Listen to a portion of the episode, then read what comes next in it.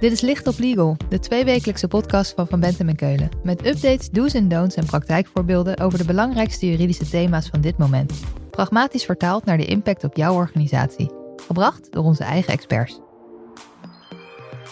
Dat artikel houdt eigenlijk in dat je dan een bericht kunt sturen aan de curator en daarin die curator een termijn kan stellen waarbinnen die moet laten weten of hij de overeenkomst nog na zal komen of niet. In het kielzog van de coronacrisis gaan er bedrijven omvallen. Dat betekent dat veel ondernemers een keer te maken gaan krijgen met de gevolgen van faillissementen. Maar als je een contract hebt met een bedrijf dat failliet gaat, hoe zit dat eigenlijk? Moet je dan nog leveren? Of andersom, moet je nog betalen? Je hebt immers een overeenkomst met een nagenoeg dood bedrijf. Daarover gaan we het in deze Licht op Legal hebben met Linde van Dieren. Ze stelt zich even voor. Mijn naam is Linde van Dieren en ik ben sinds 2011 werkzaam als advocaat op het gebied van herstructurering en insolventie. Linde wordt daarnaast regelmatig door de rechtbank aangesteld als curator. En ze adviseert ook ondernemingen bij een naderend faillissement of een dreigend faillissement van een handelspartner. Ze heeft dus als geen ander ervaring met contracten die nog niet zijn afgerond bij failliete bedrijven. Linde, hoe zit het ook alweer met faillissementen? Want alles wordt toch bevroren als een bedrijf omvalt? Ja, dat klopt. Uit de wet volgt een zogenaamd fixatiebeginsel. Dat is eigenlijk een soort hakbel-effect op het moment van het faillissement. En daarmee worden alle posities van alle partijen eigenlijk bevroren, behalve van nog lopende overeenkomsten. En daarom is het voor wederpartijen in het geval van zo'n lopende overeenkomst dus soms ook een onzekere situatie. Dus de boel wordt inderdaad bevroren, behalve lopende contracten. Ieder contract en ieder moment binnen zo'n contract is natuurlijk uniek. Maar wat zie je nou het meest voorkomen? Nou, je hebt eigenlijk vaak, uh, is er sprake van drie situaties. Aan de ene kant uh, dat de wederpartij van de failliet um, volledig is nagekomen, maar de failliet niet. Aan de andere kant de omgekeerde situatie daarvan. En als laatste um, de situatie dat er een overeenkomst nog loopt en dat allebei de partijen nog niet volledig zijn nagekomen. Oké, okay, laten we bij die eerste beginnen. Degene die failliet is gegaan, heeft zijn gedeelte van de overeenkomst nog niet voldaan. Maar degene waarmee hij handel drijft wel. Wat gebeurt er dan? Ja, um, dan komen we eigenlijk weer bij dat fixatiebeginsel. Um, en dan houdt het eigenlijk in dat de, uh, die wederpartij uh, de vordering in het faillissement moet indienen. Dus stel je hebt een bouwbedrijf, bouwbedrijf gaat failliet. De leverancier van de bakstenen heeft alles geleverd, maar nog niet betaald gekregen. Dan heeft hij een vordering in dat faillissement. En zijn er dan geen mogelijkheden om die stenen nog terug te halen? Want je zou zeggen, je krijgt het geld niet, dus is het nog van jou. Ja, nou, er zijn wel mogelijkheden, uh, namelijk een eigendomsvoorbehoud, een recht van reclame of een retentierecht. Eigendomsvoorbehoud moet je uh, overeenkomen. Dus dat volgt niet zomaar uit de wet dat je dat hebt. En dat houdt eigenlijk in dat je afspreekt van, goh, uh, die bakstenen die worden pas van jou, ook al lever ik ze nu, die worden pas van jou op het moment dat je betaalt. Dus gaat het bouwbedrijf failliet, dan kun je tegen de curator zeggen van, ik wil mijn bakstenen terug, want die zijn niet betaald. Nou, dan heb je nog een recht van reclame. Dat volgt wel uh, uit de wet, dus dat recht heb je altijd. Um, is wel een strikte vervaltermijn, dus dan moet je kort na het uitspreken van het faillissement van het bouwbedrijf moet je kijken of, je, of het voor jou nuttig is, dat recht, uh, om die stenen terug te krijgen. En als laatste heb je retentierecht. Dat is een beetje een ander recht. Stel weer datzelfde bouwbedrijf heeft een busje, dat is kapot. En de garage die heeft het gemaakt. Um, stel nou dat bouwbedrijf gaat failliet. Dan uh, kan die garage zeggen van, uh, goh, ik hou dat busje nog even, want ik wil eerst mijn geld krijgen voordat je, voordat je busje terugkrijgt. Duidelijk. Er zijn dus mogelijkheden om je spullen terug te halen of te houden. Dan de omgekeerde situatie. De club die is omgevallen heeft zich aan zijn deel van het contract gehouden, maar de wederpartij niet. Hoe zit dat? Ja, dus stel we hebben weer dat bouwbedrijf, die heeft de, uh, de stenen al eh, vooruit betaald. En, uh, maar de bakstenen zijn nog niet geleverd. Dan kan die curator gaan bekijken van, goh, wat wil ik nou? Stel die curator wil het bedrijf nog even voortzetten. Die kan dan zeggen van, nou, ik wil die stenen wel als, alsnog geleverd krijgen.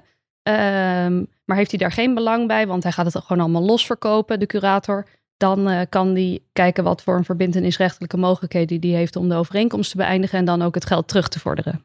Maar wat als ik die stenen al heb doorverkocht aan een andere partij, omdat ik dacht dat bedrijf is toch failliet, die heeft die stenen niet meer nodig, door met die handel? Ja, nou ja, dan uh, kan die natuurlijk niet meer nakomen. Dus dan kan de curator uh, om die reden kijken of die van de overeenkomsten af kan en dan dat geld terug kan vorderen bij de leverancier. Dus de curator heeft dan nog mogelijkheden om iets te doen? Dan het laatste scenario. Beide partijen hebben nog helemaal niets gedaan onder het contract, of maar een deel. Hoe zit dat? Ja, en dat is eigenlijk de meest lastige situatie voor een wederpartij. Want dan heb je eigenlijk een overeenkomst. Uh, stel weer in ons bouwbedrijf, hè, je hebt afgesproken in drie tranches worden er bakstenen geleverd. nou, twee tranches zijn geleverd en twee tranches zijn betaald. Ja, dan weet die wederpartij, die leverancier, weet eigenlijk niet van wat gaat die curator nou, doen, want uh, ja, het bedrijf is failliet. Nou, daarvoor is dus een bepaling opgenomen in de wet, artikel 37, faillissementswet. En dat artikel houdt eigenlijk in dat je dan een bericht kunt sturen aan de curator en daarin die curator een termijn kan stellen waarbinnen die moet laten weten of hij de overeenkomst nog na zal komen of niet. Um, nou, dat moet een redelijke termijn zijn, beetje afhankelijk van de situatie, maar vaak is dat wel iets van twee weken. Laat de curator niks horen, dan weet die wederpartij van, goh, die curator gaat niet meer nakomen, dus dan uh, kan die ofwel de overeenkomst beëindigen op een manier die wettelijk kan, of hij kan gewoon zijn vordering inzien, indienen. Dat zie je vaak in de praktijk. Um, stel nou, de curator reageert wel en die wil wel nakomen. Um, dan kan die wederpartij ook vragen van, goh, wil jij dan zekerheid stellen voor die nakoming? Want ja, ik doe zaken met een failliet bedrijf. Dus dan kan je ervoor zorgen dat er alvast wat geld wordt overgemaakt. Ja, bijvoorbeeld. Helder. Dat klinkt allemaal nog best overzichtelijk, als het een soort 50-50 verhouding is. Maar wat als het ene bedrijf nou 80% heeft betaald en de andere 20% geleverd of andersom? Ja, dat is natuurlijk een beetje een lastige situatie. Uh, maar de curator zal dan altijd zeggen: Ik ga alleen maar betalen wat jij mij nog gaat leveren. Want anders ga ik jou anders behandelen dan de andere schuldeisers van voorfaillissement. En dat mag niet op grond van de wet. Um, vaak zie je wel dat die, als die partij dan heel belangrijk is voor de curator, kan die zich een beetje als dwangcrediteur gaan opstellen. Um, en dan zie je nog wel eens gebeuren dat er toch een andere afspraak wordt gemaakt. Dat er toch nog een beetje van voorfaillissement wordt betaald. Omdat de curator die partij nou eenmaal nodig heeft. En dat mag allemaal zomaar? Uh, ja, als dat echt nodig is voor de voortzetting van het bedrijf kun je dat doen. Oké. Dit zijn natuurlijk allemaal specifieke contracten met duidelijk omlijnde afspraken en een duidelijk einde. Maar bedrijven hebben natuurlijk ook langlopende contracten, voor een jaar of 15 of zelfs contracten voor onbepaalde tijd. Hoe zit het daarmee? Ja, je kan daarbij uh, aan de ene kant bijvoorbeeld denken aan huurovereenkomsten of arbeidsovereenkomsten. Daarvoor zijn uh, specifieke bepalingen in de faillissementswet opgenomen. Dus dan op grond van uh, door het faillissement kunnen die worden opgezegd. In ruil daarvoor krijgen die wederpartijen dan wel een boedelvordering. En die wordt weer veel eerder betaald dan andere vorderingen. Maar je kan bijvoorbeeld ook denken weer aan ons bouwbedrijf met de bakstenen. Dat ze gewoon met één leverancier hebben afgesproken om tien jaar alle bakstenen te leveren. Ja, dat is een beetje een ingewikkelde situatie. Um, want de curator mag niet opzeggen als op grond van die overeenkomst die bevoegdheid niet bestaat. Dat heeft de Hoge Raad be bepaald. Dus in principe loopt die overeenkomst dan alsmaar door, terwijl het bedrijf helemaal niks meer doet. Nou, wat die curator dan wel kan doen, is gewoon uh, passief niet nakomen, heet dat dan. En dat houdt dan in dat die um, de overeenkomst eigenlijk negeert. Dus je mag van de wet in zo'n geval niet opzeggen. Maar de Hoge Raad vindt wel dat je het mag negeren. Komt dus eigenlijk op hetzelfde neer. Ja. Maar wat moet ik hier nou mee als bedrijf? Hoe zorg ik er nou voor dat als mijn handelspartner failliet gaat, ik aan het langste eind trek? Nou, je kunt een aantal dingen doen voor het faillissement van een wederpartij. Dat is namelijk insolventieclausules opnemen in je overeenkomst of algemene voorwaarden. En dat houdt eigenlijk in dat als er een wederpartij failliet gaat, dat dan ofwel de overeenkomst automatisch eindigt, of dat je de mogelijkheid hebt om op te zeggen. Dus zo kun je dan een beetje de touwtjes in handen houden. Wat je niet kan doen, is zeggen: als de wederpartij failliet gaat, dan hoef ik niet meer na te komen, maar jij wel. Daar, daarvan is ook bepaald dat dat niet kan. Um, dus dat is het eerste wat je kan doen.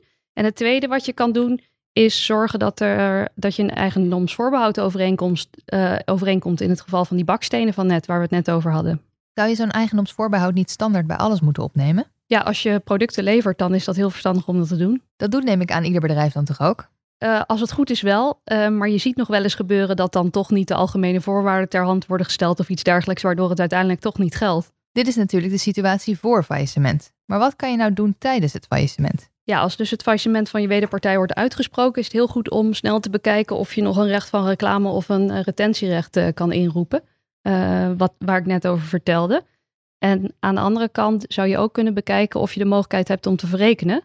Um, en dat houdt eigenlijk in dat als je allebei een vordering hebt van voorfaillissement over en weer, of het vloeit, vloeit voort uit een overeenkomst van voorfaillissement, dan kun je tegen die curator zeggen dat je tegen elkaar wegstreept. Dus dan kijk je wat er onder de streep overblijft en daar is de kous dan mee af. Helder. Linde, waar moet ik na het beluisteren van deze podcast direct mee aan de slag? Nou, eigenlijk is het verstandig om direct uh, je uh, overeenkomsten en algemene voorwaarden te bekijken. Zowel die je al eh, nou ja, die je al gebruikt eigenlijk, en, maar misschien ook de standaardovereenkomsten, om te zien of daar insolventieclausules of een eigendomsvoorbehoud in staat of zou moeten worden opgenomen. En ook is het goed om naar overeenkomsten of algemene voorwaarden van andere partijen eh, te kijken. Want misschien staat daar wel bijvoorbeeld in dat je niet mag verrekenen. En dan zou je dat er eigenlijk het liefst willen, uit willen halen. Maar als ik al getekend heb, kan ik daar toch niet zoveel meer aan doen? Uh, nee, dat klopt. Maar dan is het wel zaak om dat bij een volgende onderhandeling of een tussentijdse onderhandeling, om daar toch nog weer eens over te beginnen. Linde, dankjewel. Als we meer willen weten, waar kunnen we dan terecht? Je kan me altijd mailen op lindevandieren.vbk.nl of bellen en mijn telefoonnummer vind je op onze website. Dit was Licht op Legal, een podcast van Van Bentem en Keulen. Te beluisteren via Spotify, Apple Podcast of je eigen favoriete podcast-app. Wil je meer weten? Heb je suggesties voor een onderwerp? Of wil je dat onze experts hun licht laten schijnen op jouw juridisch vraagstuk? Laat het ons weten via vbk.nl/slash lichtoplegal.